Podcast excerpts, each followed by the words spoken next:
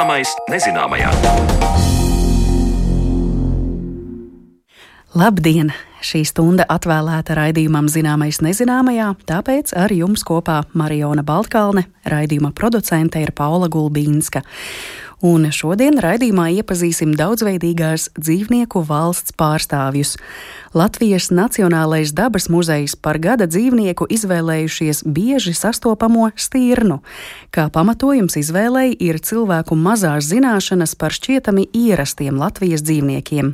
Iespējams, daudz būsim manījuši dabā stirnu atstātās pēdas, skatījuši šos dzīvniekus grāmatu lapusēs un dokumentālās filmās, bet stirna tāpat saglabājusi zināmu noslēpumainības plīvuru, un šim graciozajam dzīvniekam tas itin labi piestāv. Par stirnu saruna raidījuma otrajā daļā, bet pirms tam iepazīstināsim ar gada kukaini. Šogad gada kukaiņa gods pienākas bišu dzimtes pārstāvei Lielacu kamenei, kura ir īpaši aizsargājamo sugu sarakstā, kā arī Latvijas sarkanajā grāmatā iekļauta kameņu suga.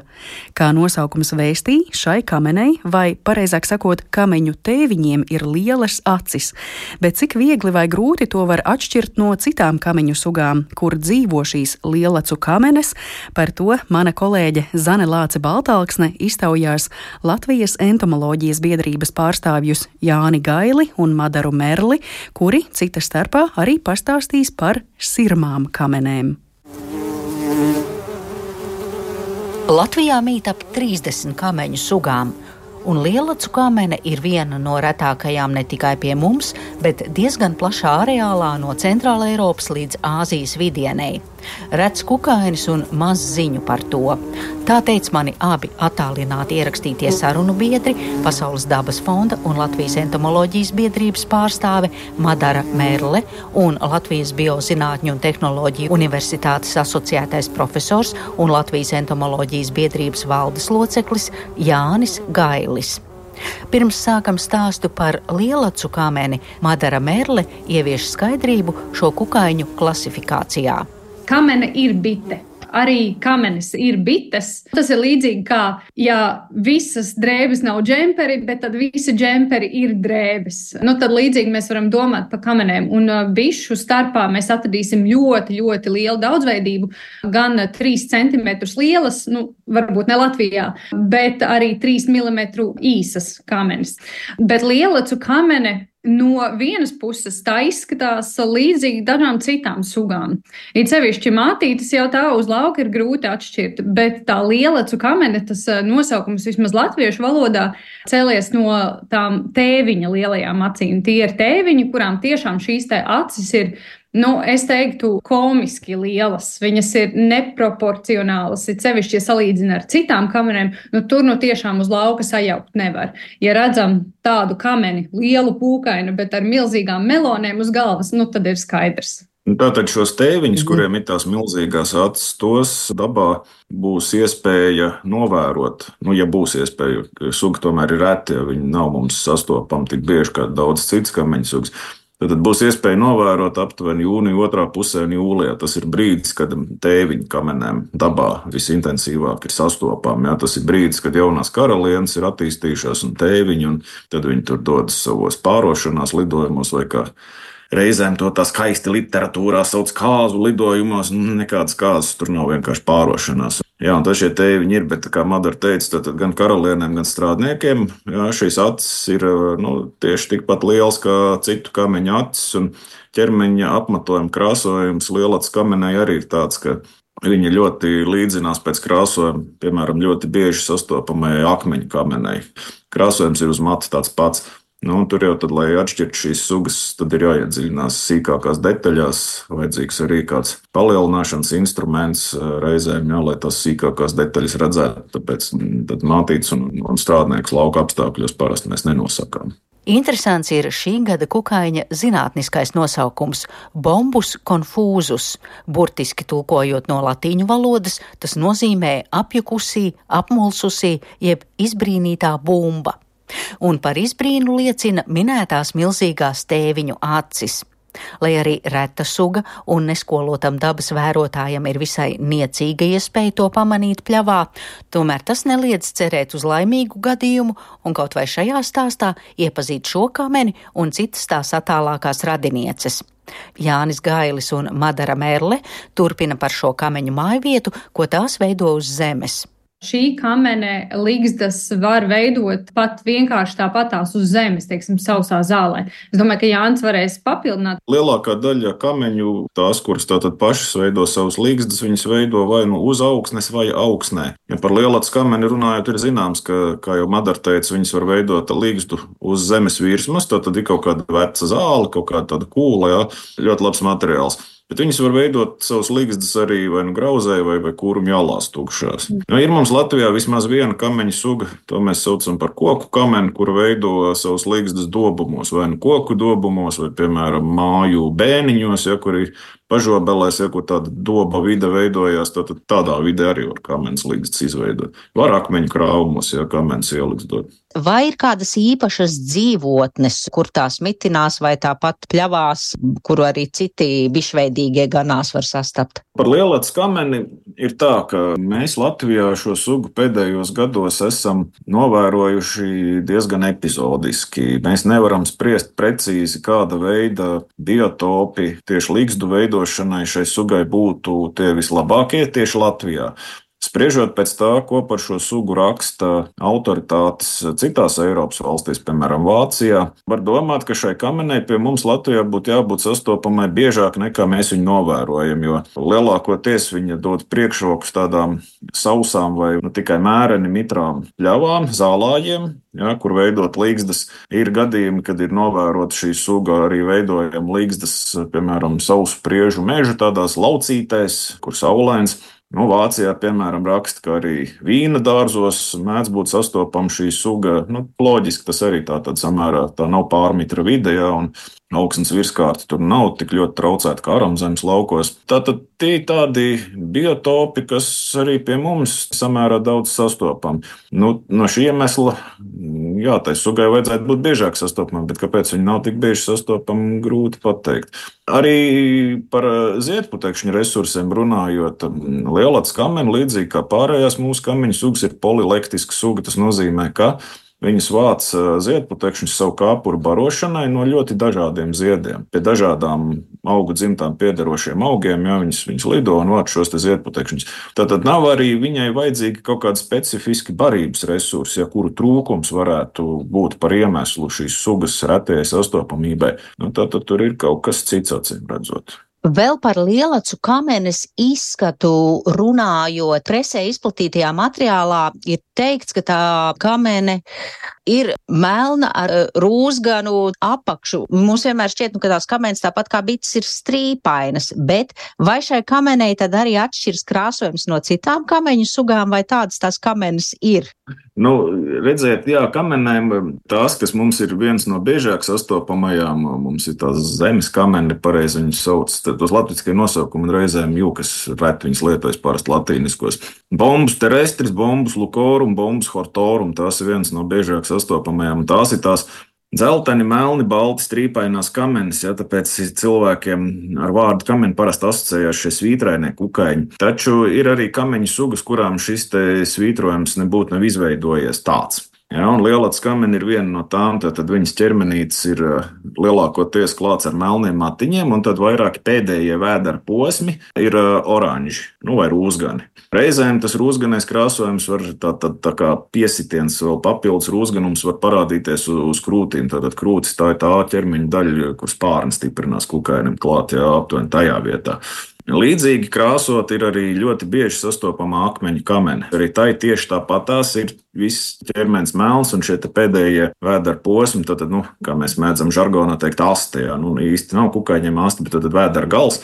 Tas arī tieši tāds pats oranžīgi, grūz, gan brūns. Un šī ir viena no tām sugām, ar kuru lielāks kamens mātītes un strādnieks lauka apstākļos ļoti viegli sajaukt. Papildināšu Jā. Jāni, sakot, ka bieži vien šis krāsojums gan bitēm kopumā, gan kamenēm ir ļoti atšķirīgs vienas sugas ietveros. Nu, teiksim, atkarībā no geogrāfiskā novietojuma, vai no sezonas, vai izlidošanas kaut kāda laika, vai vienkārši barošanās pieejamības.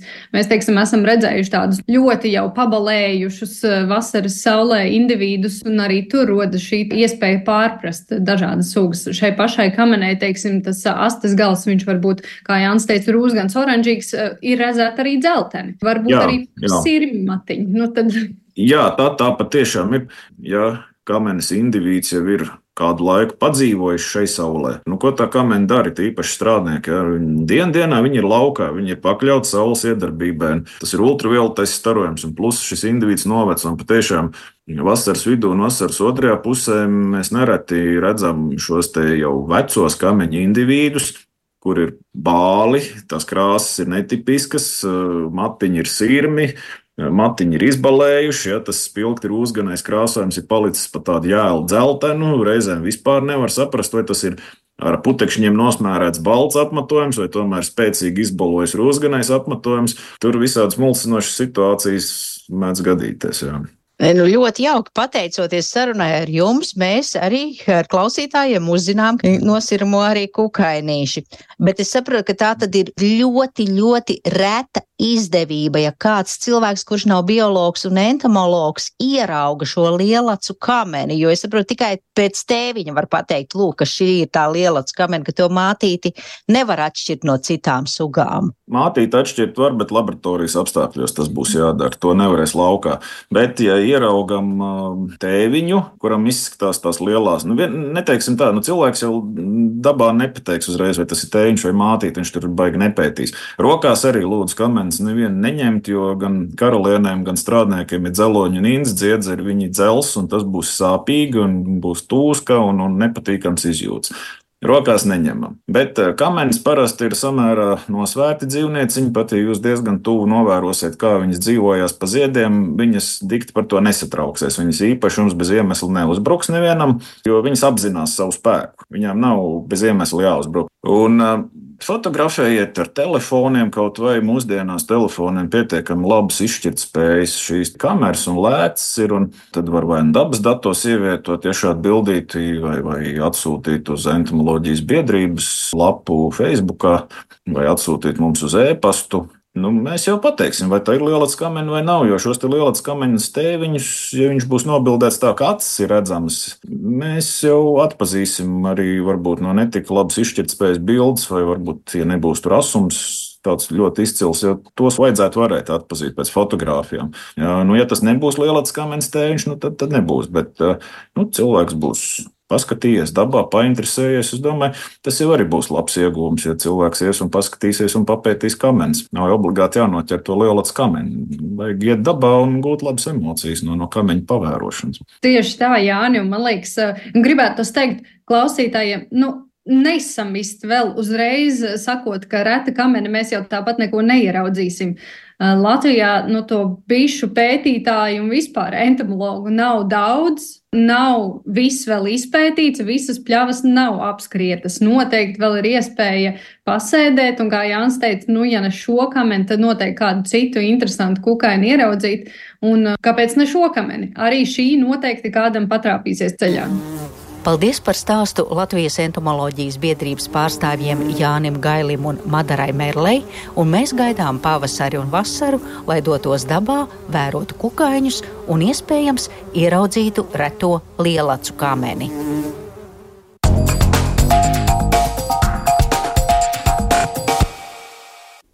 Par lielacu kamenēm un arī sirmām kamenēm dzirdējāt Zanes Lāces Baltāksnes veidoto materiālu, bet lielas un skaistas acis ir arī gada dzīvniekam stirnai, un stirnu pēc neilga brīža iepazīsim raidījuma turpinājumā.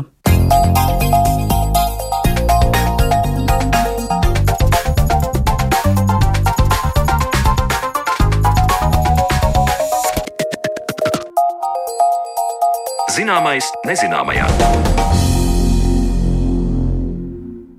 Tik bieži redzētais dzīvnieks stirna ar savām skaistajām, teju smeldzīgajām acīm, graciozu augumu un mīlīgajiem mazuļiem ir iekarojusi mūsu sirdis. Stirnas ir arī prasmīgas izdzīvotājas, kļūstot par ļoti ierastu dzīvnieku mūsu dabas ainavā. Turpmākajā raidījuma pusstundā mēs pievēršamies Latvijas mazākajam pārnadzim, stirnai, kas atzīts par gada dzīvnieku 2024. Un uz sarunu ar mūsu raidījuma viesņu mēs tiekamies vidē, kur ikdienā interesanti var uzzināt daudz vērtīga gan par stirnām, gan citiem dzīvniekiem. Un tas, protams, ir Latvijas Nacionālais dabas muzejs, un es tiekos ar šī muzeja komunikācijas nodaļas vadītāju zooloģi Intu Langi. Sveicināti, Inta! Sveicināti! Inta, mēs ar tevi esam pazīstamas daudzus gadus, vēl no tiem laikiem, kad tu strādāji zoodārzā. Pēc tam noteikti daudzi klausītāji tevi atceras ar taviem stāstiem par dzīvniekiem no laikiem, kad tu biji līgatnes dabas taku vadītāja, bet šobrīd tu esi dabas muzejā. Tā kā esam pazīstamas, tad eh, būsim šajā sarunā uz tu.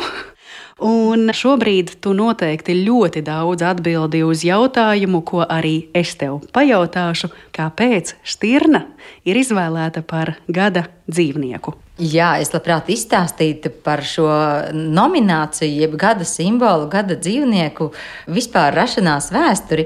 Šogad ir tāds jubilejas gads, var teikt, šai nominācijai. Akurāt 25. gads pēc kārtas, kad tiek izvirzīts šāds gada dzīvnieks. Pašos pirmsākumos, kas bija 2000. gads, tad pirmie bija dažādi dzīvnieki, kas ir vai nu ļoti reti vai nu arī kaut kādu īpašību dēļ ļoti aizsargājami, vai visbeidzot nu, tādi ļoti maz zināmi. Un šī dzīvnieku sarakstā ir gan gliemeži, gan kukaiņi, gan vēl visādi tur zivis pat iekšā. Un mūsdienās jāsaka tā, ka ir ļoti labi, ka šiem te daļai dzīvnieku grupām ir pašiem savas biedrības, kas nu jau arī veic šo svarīgo uzdevumu, kas izvirza gada kukaini, piemēram, vai gada bezmugurkalnieku vai gada gliemezi. Un dabas muzeja pārziņā apziņā šobrīd ir vairāk vai mazāk zīdītāji dzīvnieki.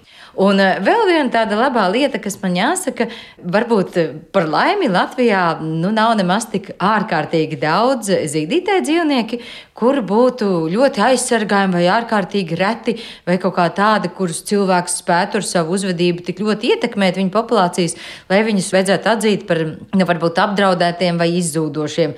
Līdz ar to gada dzīvnieka nominācijas katru gadu top dažādi.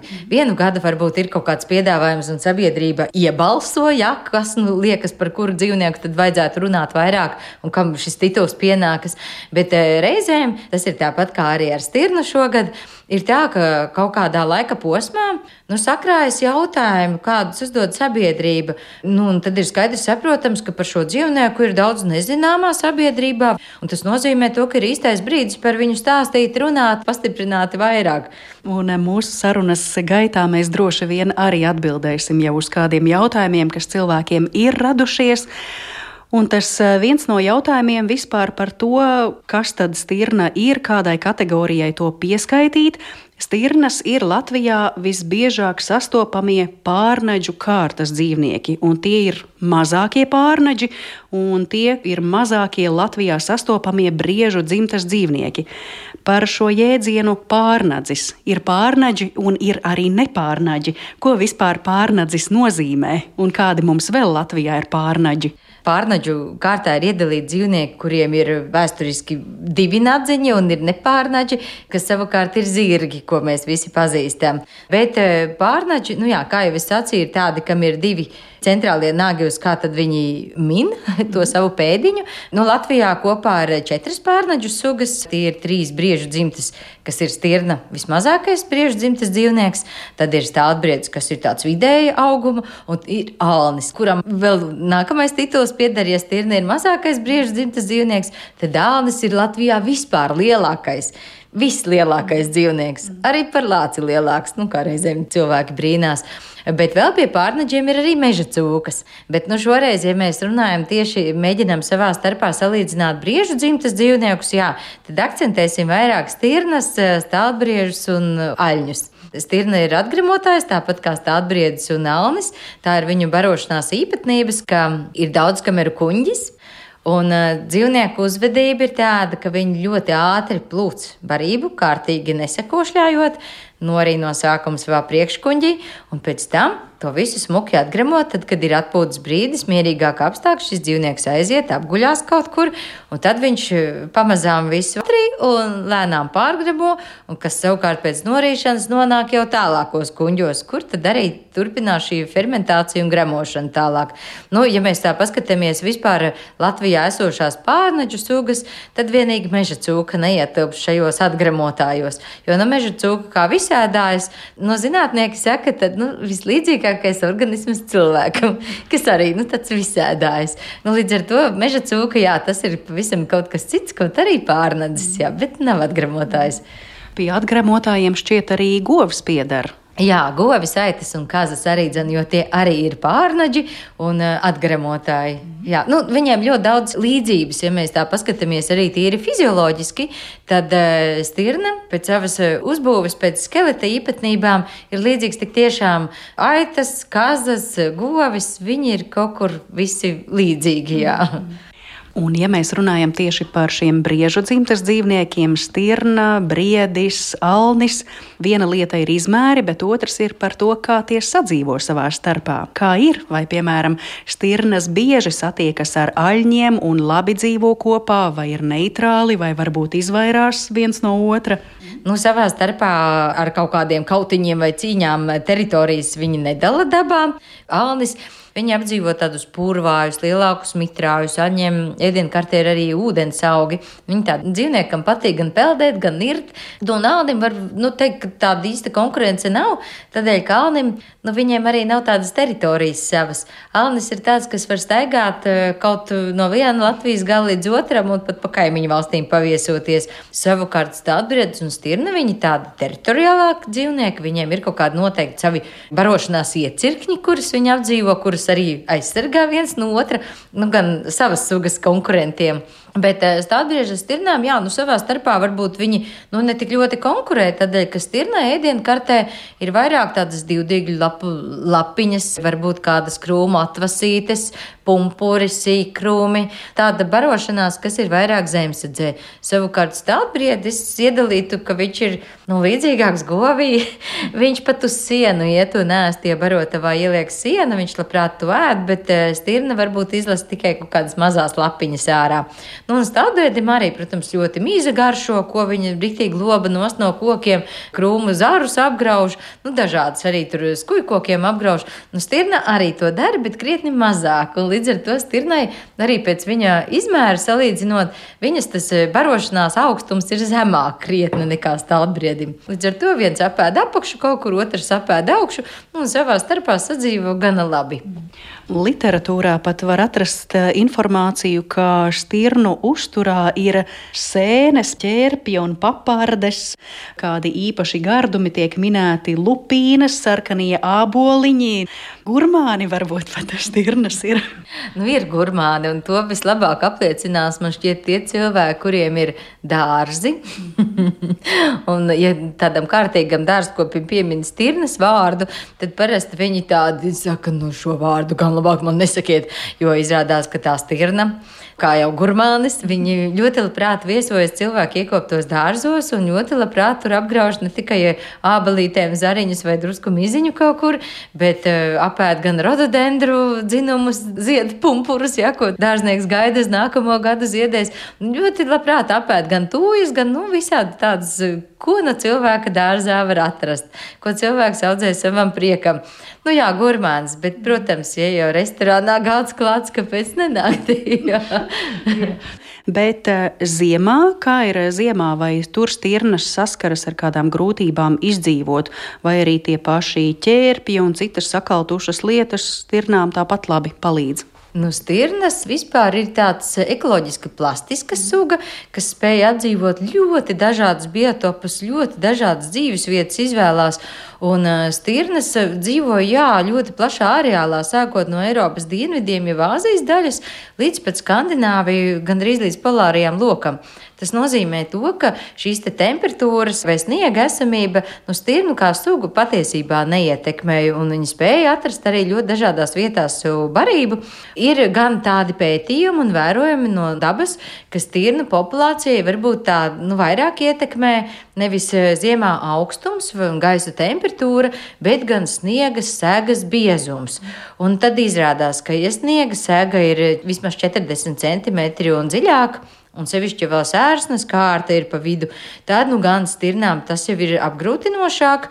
Bet eh, nu, te man arī jāsaka, ka pat ja tādā grūtā ziemā ir grūtāk atrast barību, vai varbūt eh, izveidot sev guļvietu, vai kaut kādu atpūtas vietu, vai kā citādāk no šī dziļā sniega tikt ārā tad um, nu, es biežāk bojā aiziet tādi īpaņi, kas ir jauni, vai varbūt um, nespēcīgāki, varbūt tieši veci, vai varbūt slimāki vai vājāki. Bet uh, tādai normālai, veselīgai, nu, vidēji vecuma stirnai, nu, parasti šādas ziemas arī nav kritiskas. Latvijā man šķiet, vispār nevajadzētu satraukties ziemā par stirnām, jo zinātniekiem ir eh, pieregistrētas akurāt tikai tās ziemas, kas bija 2008. un 2009. gadā. Tā ziema viena, kad patiešām bija ļoti dziļa sniega sēga ar sērsnu pa vidu, tad stirnu populācijā bija patiešām novērojams kritums. Bet eh, nu, tie cilvēki, kas ja zemāka temperatūra pa mīnus 20 grādiem, ļoti uztraucās par dzīvniekiem savvaļā, nes kā viņiem tur klājas un vai viņus tur nevajag piebrot vai kā savādāk uzmundrināt, tad es gribu viņus visus nomierināt un teikt, ka stirnā viss ir kārtībā un zema temperatūra nu nekāda neietekmē šī dzīvnieka izdzīvot spēju. Jo, ja mēs stirnu tā apskatītu mazliet tuvāk, tad mēs redzētu, ka viņai uz ziemu izaug ļoti bieza pavilna. Un arī akotmati, kas ir pa virspusi apmetojumam, viņiem struktūra ir tāda, kā Nu, es salīdzinot ar tādu putu plastu, putu polistirolu, un tāda kā gaisīga, tāda kā ar gaisa kamerām pa vidu, un viss kopā šis apmetojums veido ļoti labu tādu aizsargslāni, kas nu, no nelabvēlīgas temperatūras ļoti labi pasargā dzīvnieciņu. Nu, protams, ka šis dzīvnieks varbūt lielā vējā, gluži klajā laukā neapmetīsies. Viņi ļoti labi atrod aizvēju mežā kaut kur vai aiz kāda pakāna. Un tieši tas pats, ka ir arī ar, ar sniegu. Stirnai netraucē baroties sniegs, jo izrādās, ka tās kujas, ko šie dzīvnieki ziemā ēd, Ja agrākos laikos uzskatīja, ka tas varbūt ir aiz bada, tad nu, mūsdienās zinātnieki ir izpētījuši, ka skujās ir ļoti daudz C vitamīna. Un stirnas un citi briežu dzimtas dzīvnieki ļoti labprāt ziemas sezonā ar to barojas. Un stirnai vēl viena tāda īpatnība ir tas, ka viņai šie nagi kājām, kas liekas tādi maziņi un kājiņa trausli, Viņai viņa darbojas kā darbarīgs, lai izrušinātu no zemesēdes ārā visu, kas nu pašai kārojas. Es esmu redzējusi, kā stirna strādā ar kāju, nu es teiktu, nu izcili viņa prot parakt sniegu malā un apēst visu, kas nu tur ir atrodams. Sākot ar zāles stiebriņiem, beidzot ar sīkrūmiem, kas ir mežā, nu dažādi rogulāji.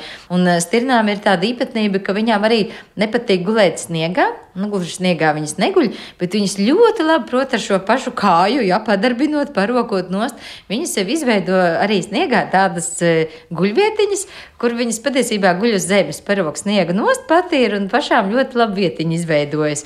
Nu jā, nu tāda ne tikai gurmāna, bet arī par savu labiekārtošanu prot parūpēties un viss izdod šiem dzīvniekiem.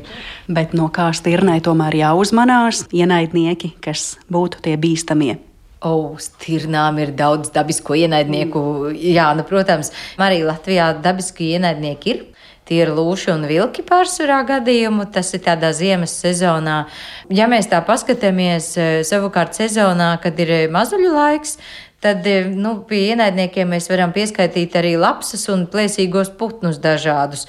Jo, protams, tādus stirnas mazuli var aizvilkt gan lapsa, gan eh, dažādi venagveidīgie piekūni. Bet, nu, ja mēs paskatāmies mazliet plašāk, tad man šķiet, ka stirnas populācijai nu, diezgan kaitējumi nodara arī cilvēks. Tie mēs neskaitām medniekus kā tādus, jo mūsdienās, lai kādas nebūtu arī vilku un lūšu populācijas, šo zālēdāju, jeb dzīvnieku skaitu, nu īsti nespēja regulēt, tādēļ, ka ir Latvijā reģioni, kur nu, lūšu un vilki nav pietiekamā skaitā. Un tad, protams, ir cilvēki, mednieki, kur uzdevums ir nevis vienkārši izpriecu dēļ doties dabā, nu, tur medīt. Patiesībā primārais ir šo dzīvnieku skaitu regulēšana. Bet eh, nu, no vēl viena apstākļa, ko es esmu pamanījusi, kas, manuprāt, ir gan, nu, ko mēs cilvēki varētu varbūt arī domāt rūpīgāk, ir eh, nu, došanās dabā ar suņiem, kas nav pie siksnas paņemti, vai varbūt nav ar pietiekama dresūru, vai lauku suņi, kas dodas brīvsolī. Un eh, šie ir dzīvnieki, kas arī ik pa laikam, nu, tomēr uzklūp stirnām un mēdz viņus sakropļot un nogalināt. Un, un tad man jāsaka tā, nu, tie suņi varbūt nav, nu, pie dabiskajiem ienaidniekiem mēs nepieskaitām, bet nu, pietiekami tomēr nodara pāris tirnu populācija gan. Jā. Redz, jau viena lieta, ko ņemt vērā gadā, kad Stirna ir gada dzīvnieks. Bet, eh, Inta, klausoties visu tavu iepriekšējo stāstu par to, kā stirnas tiek pie saviem gardumiem, par to, kā stirna sev atbrīvo guļvietu sniegā, es gribētu teikt, eh, ka stirna ir ļoti intelektuāls dzīvnieks un kā aiz tām skaistajām atstiņām un aiz tās graciozās stājas eh, tiešām slēpjas kaut kas ļoti gudrs. Zoologi izmanto tādu salīdzinājumu gudri zīdītāji. nu, ja man būtu jāraksturo stirna kā gudra, es nezinu, vai es viņu raksturotu kā gudru. jo man šķiet, ka ar vārdu gudrs mēs varam raksturot nu, kādu dzīvnieku sugu, kas spēj tikt galā ar tādiem paaugstinātas grūtības uzdevumiem. Visbiežāk mēs spējam iedomāties nu, putnu vārnu, kura tad nu, iemācās gan kā pārsist, kur netiek klāt, vai izmērcēt maizi, ko nevar apēst. Nu, tomēr saprot, kā ar tādu cilvēku izgudrotām lietām tikt galā. Bet nu, stirna nu, savā attīstībā tik tālu vēl nav tikusi. Un man pašai liekas, ka viņu nu, tādā dzīvē vairāk ir nevis nu, tāda gudrība, bet eh, ļoti daudz ir šie instinkti, kas darbojas. Un uh, stirnas ļoti labi saprot, ko darīt augstumā, ko darīt vējā, kā parūpēties par saviem mazuļiem kā atrast barību vai kā sadzīvot ar cilvēku. Gribētos piebilst to, ka stirnas bieži vien eh, dzīvo ļoti tuvu cilvēkam, pat pilsētās un pilsētu tādās pievārtēs arī Rīgā kur ir barība, tur ir stirna. Viņas ļoti labi saprot, ka no automašīnām vai cilvēka varbūt nevajag baidīties, un, bet tas jau ir tāds paudžu pieredums. Nevis, ka viņa nu, pati būtu izdomājusi, tā tagad tieši pie cilvēka, tur man būs ērti, visi mani baros vai kaut kā savādāk. Un tas, protams, ir kaut kādās paudzēs iegājies kaut kāds uzvedības modelis. Veids, kā populācijai turpināties, ir radīt pēcnācējus. Un ļoti interesanta ir stirnas grūtniecība, tā saucamā latentā grūtniecība. Ko īsti nozīmē latentā grūtniecība? Jā, nu šeit es gribētu kārtējo reizi salīdzināt stirnu kā briežu dzimtas vienu no sugām ar citām Latvijā esošajām briežu dzimtas sugām, kas ir stādbriedis un alnis, te man jāsaka, ka stirna ir pilnīgi savādāka. Viņai šis gada cikls nav tā kā alnim un briedim, jo arī šis te riesta laiks atšķirās, jo, ja alnim un briedim tas ir vairāk uz rudeni, tāds augusta varbūt beigas, septembris, oktobris vēl, tad stirnai kāzu laiks ir pats vasaras vidus, tas ir jūlijas, kad nu notiek šīs te riesta cīņas un mātītes tur aplikšana. Viņiem pat ir īpašs veids, kā mātīte nu, tur pievilina tēviņu, tādu balsi, jā, vokalizāciju. Savukārt, tas notiek arī vokāli, jā? Tas notiek arī vokāli, jā, viņai tādi saucieni ir īpaši, jā, kā šī stirna mātīte tajā laikā izsaucienus raida tēviņam, tad tur tēviņš uzrodas, un tad arī tad tur ir tāda, nu, riesta dēļ tā īsti nav, bet tāda skriešana, jā, ka tas, nu, tēviņš dzenā mātīti, mātīte skrien, teiksim, tikai uz apli, jā, noteiktā veidā. Un nepārāk ātri. Jā. jā, nu droši vien, ka nepārāk ātri, jā. Bet, nu, dabā, nu, stirnai viss notiek ātri, tad, ka, nu, tā ir drošība savukārt, jā. Ir iesta padarīšana ir tiešām ātri, jā. Tas nav tā, ka tur dienām ilgi tagad lēns vai kaut kā savādāk tur mēģina aplikt. Nu, nē, tas parasti ir aši, aši, jo galvenais, nu, stirnai jāuzmanās, ka tur ienaidnieks atkal neuzglūna, viņi tur nevar pārāk aizrauties, ja viena ar otru. Un, jā, un interesanti ir tas, ka mazuļi savukārt stirnām, nu, iedomājieties, jūlijā ir kāzu laiks, bet mazuļi dzims tikai nākamā gada maija beigas, jūnija sākums. Nu, ja mēs tā sarēķinātu, tad kopējais grūsnības laiks, nu, sākot no šī pārošanās brīža, Nu, būtu deviņi mēneši. Nu, tā kā cilvēkam liekas, nu, kā tik mazam dzīvniekam kaut kas tāds. Un izrādās, ka nu, tā jau arī nav. Īstais, nu, tas patiešām augļa attīstības laiks ir pieci mēneši un vēl dažas nedēļas klāt, vārds sakot, tur nav pat seši mēneši, bet viss šis pārējais laiks ir interesants ar to, ka šī apaugļotā ošūna ir stirna mātītes ķermenī, bet eh, nenotiek ielikstiešanās dzemdē un nesākās embrija attīstība.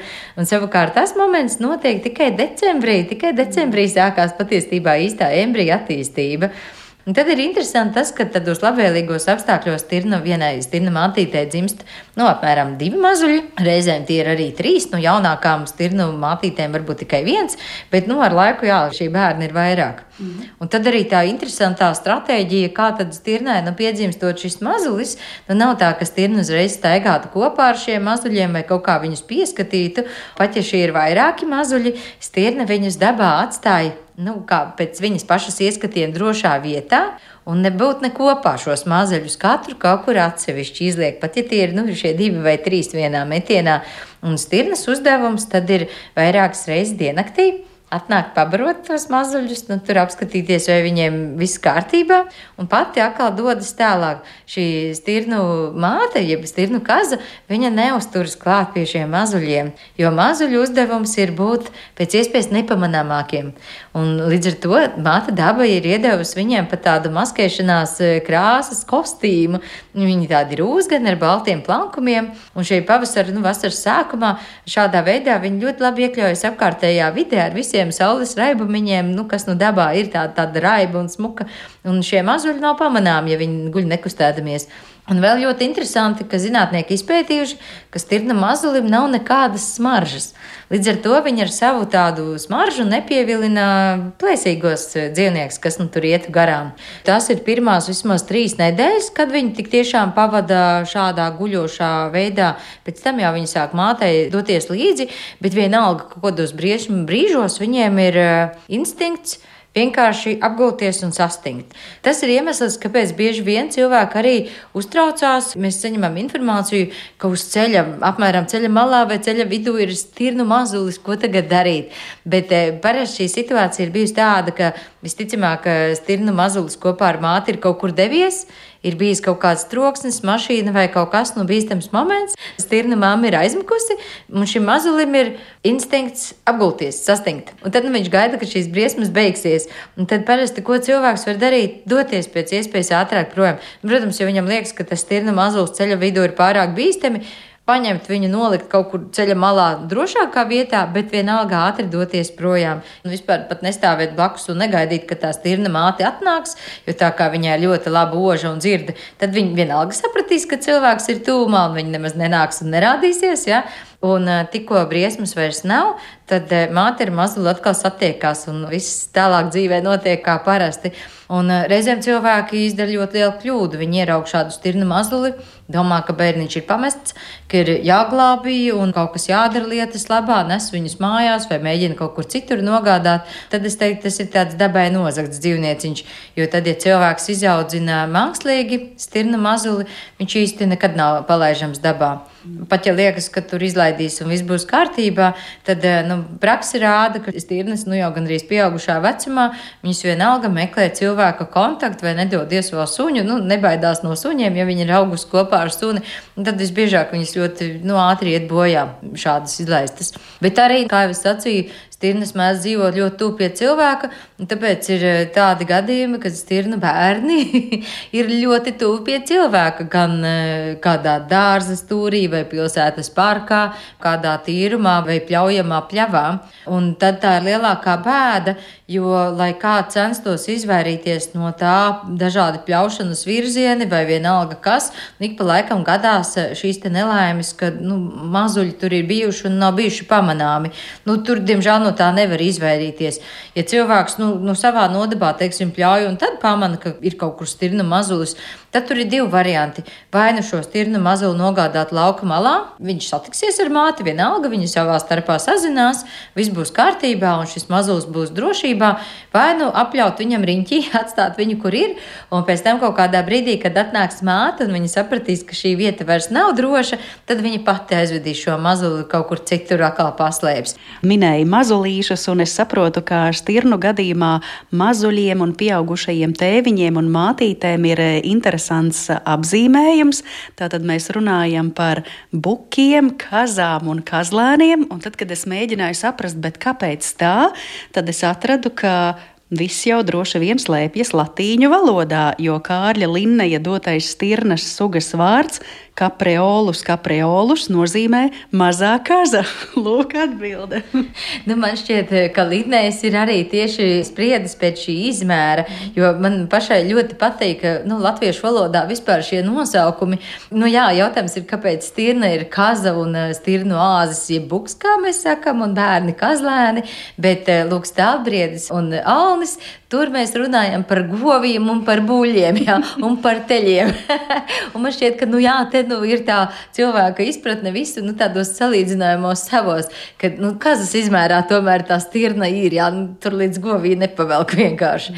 Nu, pat ja viņi ir ļoti līdzīgi šie dzīvnieki. Un Kārlis Linnēs man šķiet šo nosaukumu arī absolūti pēc šī izmēra un pēc tiem radziņiem varbūt ir noskatījies, kādas stirnu, stirnu āžiem, jeb stirnu bukiem ir. Un tad, nu, kam līdzīgs, nu, droši vien jau ka kazai. Un nu mazai atalpai iespēja salīdzinājumam dzirdēt stirnu buka, stalbrieža un aļņa balsi. Šos ierakstus varat dzirdēt Latvijas Nacionālā dabas muzeja zooloģijas ekspozīcijā, un turpat blakus varēsiet pārliecināties par visu triju dzīvnieku ķermeņa izmēriem. Sāksim ar stirnu buka balsi. Wow! Wow!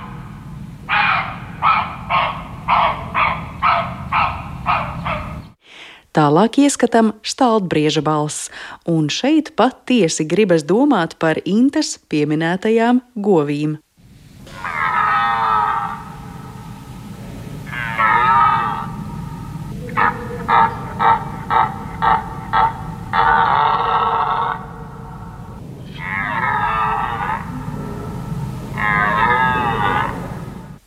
Visbeidzot, Alnis, un pēc tam turpinām sarunu ar Intu Langi. Atgādinājumam, Alnis ir Latvijā lielākais dzīvnieks.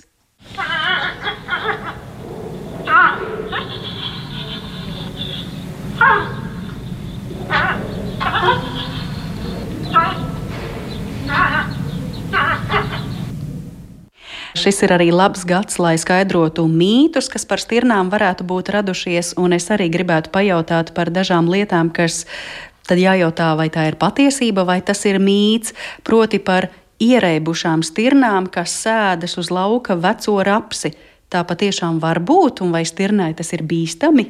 Jā, rapsis un stirna tur ir īpašas attiecības, bet es to vairāk nosauktu nevis par ierēbušām, bet par krietni saindējušām. Un eh, vēl tas ir nu, nevis vecais rapsis, bet tas ir ziemas rapsis. Tas ir sējums, kuram ir nu, paredzēts šādā veidā zem sniega ziemas sezonā būt uz lauka un tad pavasarī turpināt šo attīstību. Nu, stirnas ir diezgan lieli negauši, ja viņi pie tādām trāpās, tad viņi sēž bez apstājas. Un te nu jāsaka tā, ka ja vēl būtu tikai ierēbis, tad jau viss būtu kārtībā. Bet, eh, nu, stirnai tas nav ierēbums, jo tā ir tāda pamatīga saindēšanās.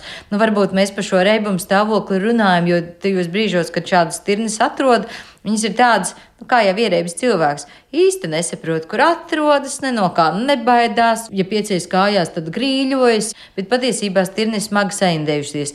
Jo ziemas rapsi ir dažādas vielas, kas eh, nu, iedarbojas uz eh, stirnas tādu neiroloģisko sistēmu.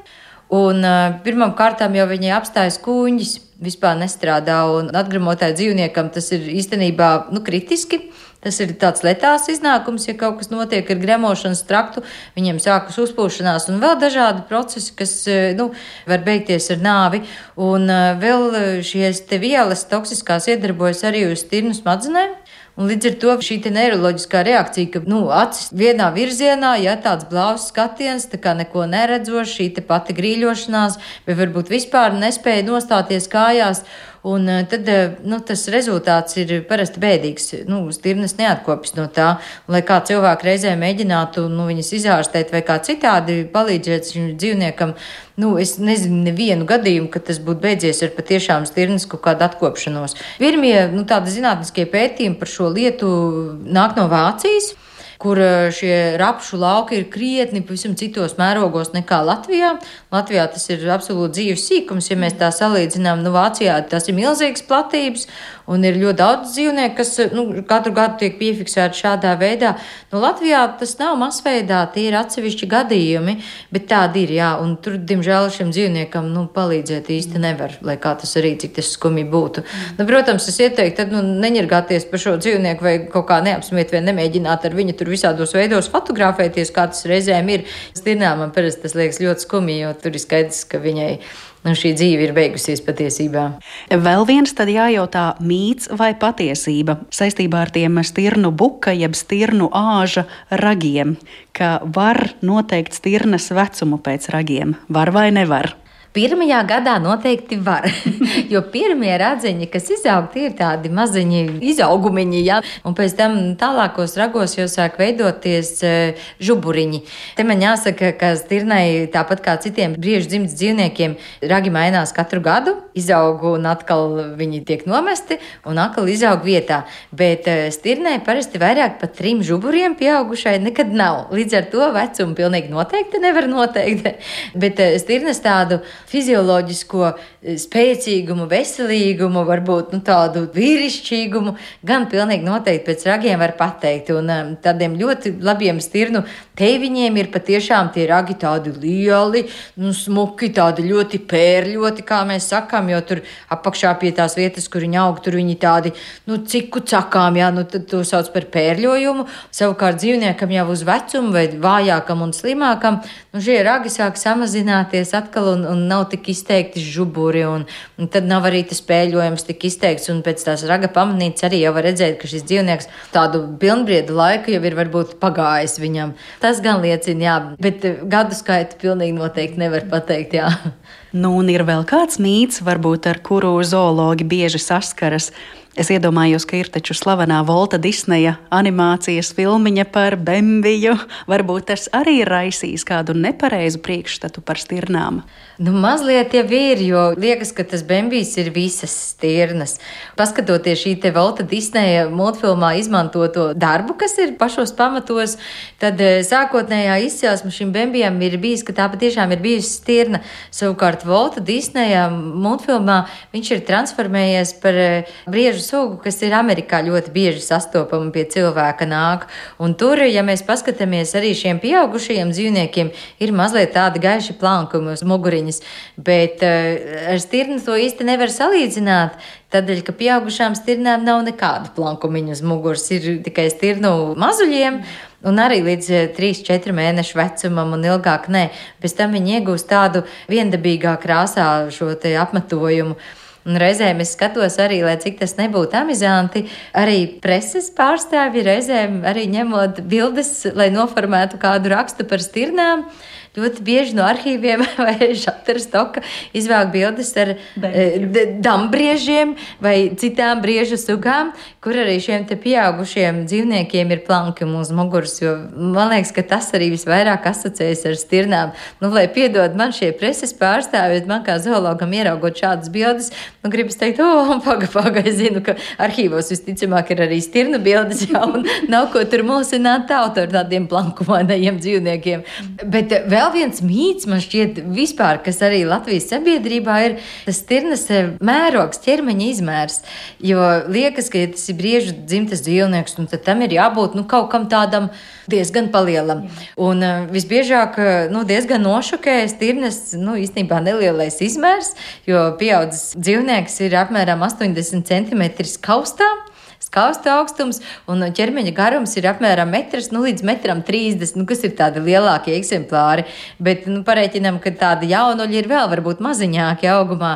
Un tad man ir bijuši arī jautājumi, nu, ziemas vidū cilvēks atrod, teiksim, mazliet traumētu stirnu, un tad jautājums, kādu pienu viņam dot. tad es skaidri zinot, ka ziemas vidū nu, stirnām nav bērnu, un visi jau līdz rudenim ir izauguši sen lieli.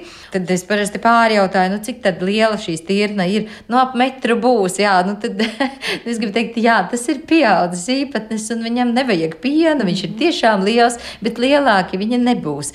Un, uh, turpinot nākamo mītu, ļoti bieži piedēvē, ka stirna, pieaugusi stirna ir stādbriežu mazulis. Jo reizēm viņas arī tik tiešām mēdz redzēt, ka nu, tur pa vienu pļāvu varbūt ganās vai vēl kaut kā.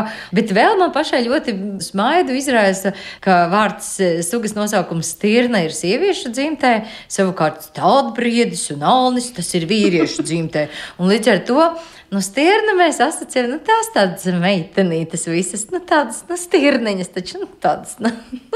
un tās, nu, kāpēc ir meitenes, un viņas ir sievas tak tam briedim. Bet patiesībā, nu, tur divas dažādas sugas, un stirnai, kā jau mēs runājam, ir gan stirnu kazas, gan stirnu āži, jeb buki, un viņi savā starpā tad veido arī pāri. Un te man jāsaka, jāliek liedēt mīt vienreiz un uz visiem laikiem, ka jā, nu, stirna nevienam nav sieva, ja vien tas nav stirna stirna buks, ja, un stirnu kazai nav ragu, savukārt tēviņiem ir ragi. Es jau sākumā minēju, ka tavas profesionālās gaitas ir bijušas saistītas ar vairākām vietām, kur brīnišķīgā veidā var iepazīt dzīvniekus - Rīgas zoo un Līgatnes dabas takas, un tagad tu esi Latvijas Nacionālajā dabas muzejā. Vai jūs līdz ar to šogad muzejā un varbūt arī kādās citās vietās plānojat kādas izglītojošas aktivitātes sabiedrībai, lai vēl un vēl stāstītu par stirnu, par šiem mītiem, Jo pilnīgi noteikti janvāra beigās, janvāra pēdējā sestdienā, 27.